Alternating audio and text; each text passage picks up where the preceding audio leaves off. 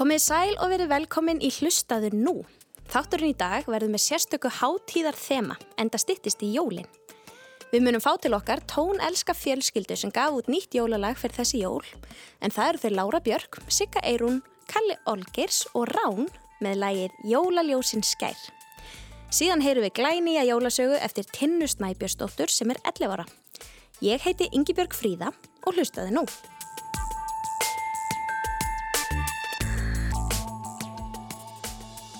Þá eru þau komin til mín, tón elska fjölskyldan sem ég talaði um. Laura Björk, Sigga Eirún, Kalli Olgers og Rán. Velkomin.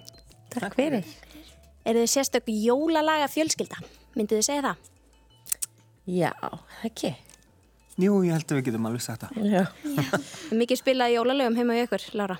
Já, Kanski við einhver sérstök tílefni eða bara allan daginn? bara allan daginn stundur sko. Átt þú þér eitthvað svona uppáhalds jólalag? Mm, já, All I Want for Christmas með, Mariah Carey. Mm, mm, það er nú mjög, mjög hátilegt lag. Don't want a lot for Christmas.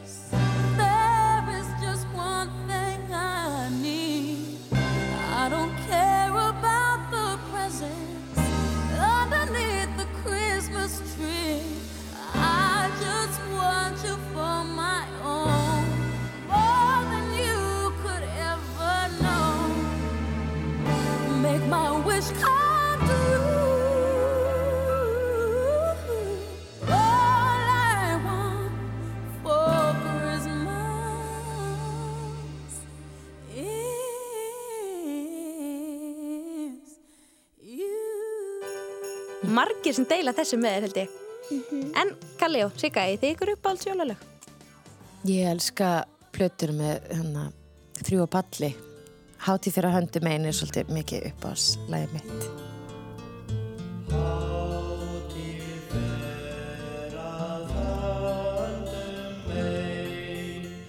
Er eitthvað sem tengir við frá því að þú varst lítil?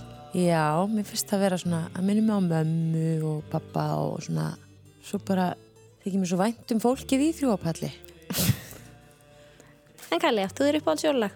Nei, þetta er of, of erfitt, sko. En þú, þú pínuleikari og tónskáld, þú lítir nú að, grúska svolítið mikið í jólalögum eða hvað? Já, en það er vandamáli, sko. Mér, mér þykir svo vænt um þetta allt. Ég hef voða gaman af einhverjum svona jólalögum sem er ekki of mikið búið að svona jaska út.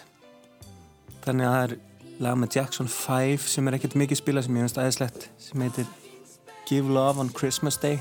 Mm -hmm. Það er alveg ekki. Það falliðu texti, myndalega. Day?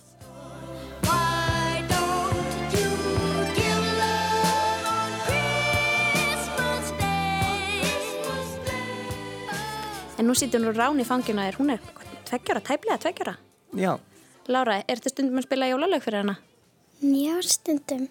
Að hún sér eitthvað uppáhaldslag, haldið þið? Eitthvað sem hún dilla sér sérstaklega mikið við? Hún dilla sér svolítið við jólaljósin skær mm. án þú sé ég vil í trana því fram en Það er að koma. Við erum að fara að tala um það. já, það er náttúrulega búið að vera bara svo mikið spilað á heimilu já, hún syngur stundum með það einstaka orði. Jólaljósin skær. Hvernig kom nú til að, að þið ákvaða að gefa út jólalag fyrir þessi jól? Mér finnst þess að þið hafið pantað, þið voru eitthvað að tala um að það væri gaman að gera það. Nú stundur sem ég segi eitthvað svona í framhjóleipi sem að Kalli grípur bara og framkvæmir. Þannig að það getur vel verið að ég hef sagt eitthvað svona já, hérna, hvað hvað var gaman ef við Lára myndum gefa út lag og svo bara bara komið. ég var alltaf búin að sko kingja munnvatninu þá er bara búið að semja lag Já, ég satt allavega einhvern morguninn og, og var að drekka morgunkaffið þeirra. Svo lægi sló bara niður í hausinn á mér. Og kom það lagið og textinu saman tíma eða... Já, eiginlega. Og hvað gerist svo? Hvernig, hvað er næsta skref? Þegar maður er búin að fá svona lag bara eins og eldingu í höfuðið. Hvað gerist svo? Mér finnst okkur oft gott að spila það inn á síman minn ef ég skildi gleyma því. Því að maður vindur sér kannski bara í næsta verkefni og þá lægi kannski farið. Og svo sendi ég það á stelpunar og vonaði að þeim myndi líka það. Því að stundum er það líka þannig að ég bý til eitthvað lag, tek það upp, svo hlusta ég á það setna og finnst það ekkert skemmtilegt. Þannig að maður verður að leifa smá tíma að líða. Og kannski leifa öðrum að heyra. Já, svona spegla lagið í öðrum. Lára, getur þú sagt okkur eitthvað frá því þegar þú heyrir þetta lag fyrst? Mér fannst það að vera svona rosalega skemmtilegt og ég var rosalega spennt. Var eitthvað svona sem að greip þig sérstaklega? Var eitthvað svona sem ég fannst alveg bara festist kannski í höfðinaður? Um, mér finnst öruglega sko laglínan festa strax í hausnum á mér og ég var bara alltaf með lagi á heilanum. Það er nú gott enginni fyrir svona lag, er það ekki? Jólalög þurfa að vera grípandi. um hvað fjallar lagið? Um, það fjallar um svona tvær mæðgur sem eru á jólunum og spyrja svona hvað þær fá í jólagjöf og eitthvað svona svo les. Áttu þér einhvern uppáhaldspart? Mm, öruglega endirinn. Þegar allt verður rólegt. Já, En það kannski endur speklar það eitthvað svona hvernig þið líður varandi jólin. Finnst þið, finnst þið gott þegar allt verður rólegt á jólunum? já, mér finnst það mjög gott. Mér finnst það skemmtilegast þegar allir eru svona að opna pakkan og það er svona mjög rólegt. En Sika, hvað finnst þér svona best við textan? Eh, áttu þér einhvern uppáhaldspart? Um, já, núna akkurat þá er uppáhaldsparturinn minn þegar að ég syngum að láta mig dreymum að synda í, í sjónum og í heitum löndum. Ég held að það sé mjög margir sem tengja við það. Það er eitthvað óskalista hjá ansi mörgum þessi jólin. Emmitt. Já. Já, svo finnst mér Lára syngja svo rosalega vel og, og hérna sérstaklega þarna, það er svona dururururu kapli. Mér finnst þannig skemmtilegur. Getur þú sagt okkur frá því hérna upptökunum? Hvernig, hvernig var að taka þetta upp? Það var bara mjög skemmtilegt og mér fannst ég var að bæta mig alltaf rosalega mikið í öllu. Það var bara mjög gaman. Gekk vel. Það var ekkert verið að rífast svona. Fjölskyldur eiga nú oft til að vera svona aðeins að tóði hver aðra og svona. Ha, var það ekkert erfitt? Nei. Nei. En hvernig svona síðan þið gáðu lagið út? Hverju hafi viðbröðin verið? Þau hefur verið rosa góð. Já, Svona í skólanum og svona, Lára. Eru vinninni búin að hlusta? Já. Hvernig finnst þeim? Sko, ég spilaði þetta einu sinni í bekknum mínum og þá voru allir bara svona dansandi með. Það var mjög gaman. Nú held ég að hlustendu þessu orðnir mjög spenntir að fá að heyra þetta lag. Þannig að við ætlum að spila það hérna fyrir ykkur. Kærar þakkir Kalli, Sigga Eirun, Lára Björk og Rán. Takk fyrir komuna. Takk fyrir okkur. Gleðli jól. Gleðli jól.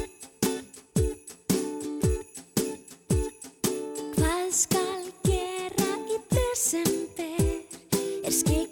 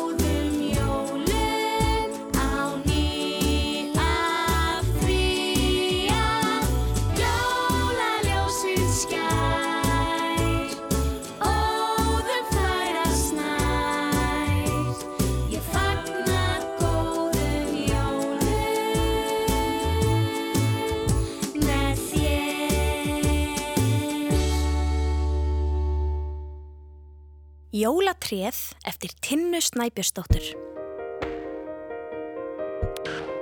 Ég hoppaði í kuldagallan minn á skóna. Síðan hljóp ég út í kaldan og fallegan vetrardaginn. Bless! Própaði ég og skellti hurðin á eftir mér. Ég hafði ekki hugmynd um að dagurinn ætti eftir að verða allt öðruvísi en ég átti vonum. Ég fór beint heim til Tomma því við ætluðum að finna fallegt jólatrið fyrir mig og mömmu. Tommi átti einmitt litla exi sem við gáttum notað til að höggva lítið trið í skóinum sem væri alveg mátulegt í litlu íbúðina okkar mömmu. Ég ringdi bjöllinni á litla húsinu við skóin. Kondu sæl, dög mín. Hvað dregur þið hingað? Ástagamla, ammans Tomma, stóði í dyragættinni með gleraugun á nefinu, klætt í síðan rauðan kjól og lópapeysu yfir. Hárið var sett upp í klemmu. Ég, Sagði ég, en komst ekki lengra. Ég er að klæða mig. Sagði Tommi sem byrtist í dyragættinni. Þegar Tommi var tilbúinn fórum við beint út í skó. Amma stóði í dyragættinni. Ég vona þetta verði nú ævintýralegur dagur hjá ykkur. Amma, við erum bara að fara út í skó, þar sem við erum alltaf að leika okkur. Sagði Tommi og brosti. Sólinn skein en samt var allt þakið snjó. Við sáum mörg tré en ekkert þeirra var rétta tréð. Þarna, Própaði ég. Í fjarska sást í lítið tré. þetta. Er þetta ekki svolítið langt í burtu? Við höfum aldrei fór svona langt inn í skóin og Enga vittleysu. Komdu bara nema þú sért hrættur. ég er sko ekki hrættur. Gott, komum þá. Sagði ég ákveðin og við gengum lengra inn í skógin. Skóurinn var þéttari og þéttari og greinarnar slóust utan í okkur. En allt í einu var eins og jörðin brotnaði undan okkur og við Tommi hröpuðum niður.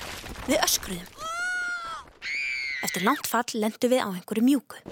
Hvar vorum við? Ég sá ekki neitt. Allt í kring var myrkur. Tommi, hvar eru við? Uh, ég... sagði Tommi hrættur. Allt í einu byrjuðum við að reyfast áfram. Smám saman jógst hraðinn og svo kom skert ljós. Það tók okkur smá stund að venjast ljósinu. Ég horfði í kringum mig og sá að við vorum stöddin í einhvers konar verksmiðju. Í hillum og borðum mátti sjá alls konar hluti. Lítil leikfeng, bolla, sælgæti, bánsa og fleira. Núna sá ég að við sátum ofan í stórum kassa fullum af bómullarnóðurum. Kassin var ofan á færibandi sem hreyfðist áfram. Ég horfði dáleitt í kringum mig. Uh, Doug, sagði Tommi og potaði fast og mörgum sinnum í handleikin á mér. Ái! Doug, við erum að fara að hrapa niður. Það var alveg hár rétt hjá Tomma. Okkur var styrtað úr kassanum og við röpuðum niður en ekki eins langt niður og áður. Lendingin var mjúk. Við vorum lend í risastóru hólfi sem var fullt af bómullarnóðurum. Tommi var frosinn af hræðslu. Ég var ótrúlega forvitin að vita hvað var að gerast. Ég leiti kringum mig og sá að það var engin leið til að komast upp úr og ekki hægt að hlaupa tilbaka. Hólfið var staðsett svo hátt uppi að við gátum ekki klifrað upp úr. Við vorum först í bómullasúpu. Allt í einu opnaðist hleri á gólfinu og öllum bómullarnóðrunum var ítt áfram í áttina að risastórum stálkassa. Ég sá að bómullin fór inn um lítið op á kassanum en hinum með við kassan komu fagurlega skreittir púðar út. Við vorum á leiðinni inn í púðavél. Tommi horfði hrættur á mig. Ég vil ekki breytast í jólapúða. Við erum ekkert að fara að breytast í jólapúða, Tommi. svaraði ég, en ég fann að við þurftum að finna einhverja leið út fyrir okkur. Ég horfði í kringum mig. Allt í einu sá ég einhverja mannesku niður á gólfinu. Ég byrjaði strax að veifa til hennar. Hjálp! Própaði ég eins hátt og ég gatt. Hvað ert að spá? Við veitum ekkert hver þetta er. Þetta gæti verið einhver hættilegur. Hann getur ekkert verið meira hættulega en þessi vél. Mér sýnist hann verið að vera brosandi. Hjálp! Própaði ég aftur. Eftir nokkur hróp og köll leit manneskjan upp og sá okkur. Brosið á manneskinni breytist skyndilega í skelvingar svip. Hann hljópað vegnum og ítti á risastóran rauðan taka. Allt í einu stoppuðu allar vélarnar í verksmiðinni. Allt varð hljótt. Ég leit á Tomma. Tommi, treystur mér. Tommi horfði í augun mín og kinkaði hægt kolli. Ég greip í höndin á honum og tók hann með mér að brúninni. Ég sá að við gáttum hoppað á stórt trampolín fyrir neðan. Tilbúin, viðbúin, nú. Rópaði ég og við Tommi hoppuðum saman.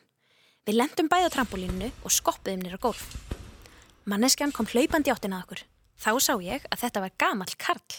Hann var með sítt kvítskegg og í lópapeysu og í undarlega skrítnum skóm. Þið megið alls ekki vera hérna. Tommi og ég horfðum undrandi hvort á annað. Hver ert þú? Hver er ég? Ég er nú að stúfur. Jólasetnin. Bætt hann við, stoltur. Ha? Hvað minnur jólasveinn? Átt þú við að þú sért að leika jólasveinin stúf? Leika jólasvein? Þetta er í alvöru jólasvein. sagði stúfur, móðgæður.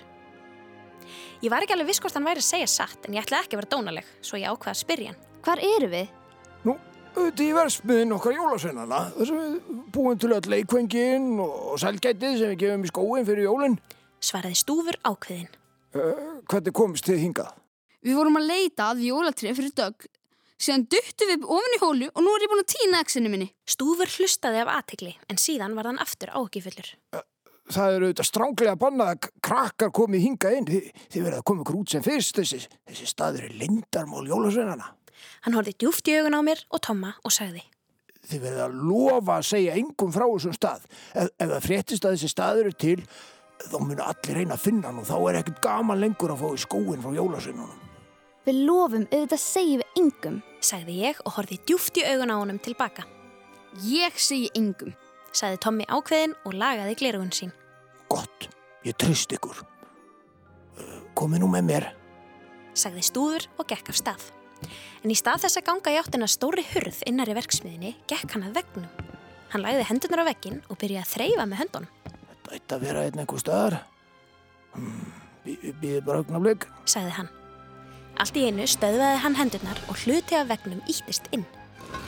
Á sama augnabliki opnaðist pínulítill hleri á vegnum. Þarna var hann. Býtu, þurfum við að skrýða í gegnum þetta pínu litla gat? Já, þið eru svo pínu lítil kríli að þið var nú létt með þetta. Sagði stúfur og klappaði á öxlina á Tomma. Eh, við erum sko áttara, við erum ekki kríli. Sagði ég hnyggsluð. Þið skiljið ekki. Ef þið farið út úr dittnar geti leppalúði náði ykkur og farið með ykkur til grílu. Hver veitu hvað gerist þar? Útskýrði stúfur alvarlegur. Og leppalúði sér nefnilega um gæsluna hér í hellinum okkar. Ég og Tommi horfðum á stúf, gatið á vegnum og síðan á hvort annað. Ég vil sko freka frá út um þetta gat heldur en að hitta leppalúa. Sagði ég látt við Tomma. Ég líka. Ég snýri mér að stúfi. Allt í lagi, við förum hérna út. Frábært. Sagði stúfur fegin. Ég beigði mig niður og gerði mig tilbúna til þess að skrýða í gegnum opið sem lág út í skó. Býtu? Sagði stúfur. Hann hljóp og sótti lítið jólatri af einni hillunni. Hann rétti mér treð. Söðust ekki verið að leita jólatrið? Þetta er gjöf frá mér til ykkar. Takk kærlega, stúfur. Bless, stúfur. Takk fyrir tréð. Sagði Tommi og fylgdi á eftir mér í gegnum gatið. Bless krakka mínir og, og, og munið að halda þessu alveg lindu. Sagði stúfur þegar hann horfði á eftir okkur hverf út um gatið. Þegar við komum út, sagði ég. Ég trúi varglega að það hefur verið alvöru stúfur. Varðla ég heldur, sko. En kannski var þetta bara hann. Við gengum í gegnum skógin heimálið. Ég hlakkaði til að sína mömmu fallega litla jólatrið frá stúfi. Þegar við komum heim að húsinu hans Tomma var amma hans í glugganum. Hún veifaði til okkar. Bless, Tommi. Bless, Dögg. Sjáumst á morgun. Ég gekk í áttina blokkinu minni þar sem mamma beigð heima. Þegar ég opnaði dyrnar fann ég indislegan köku ilmin berast úr eldhúsinu. Ég komin heim, mamma, og ég er með jólatrið. Endir.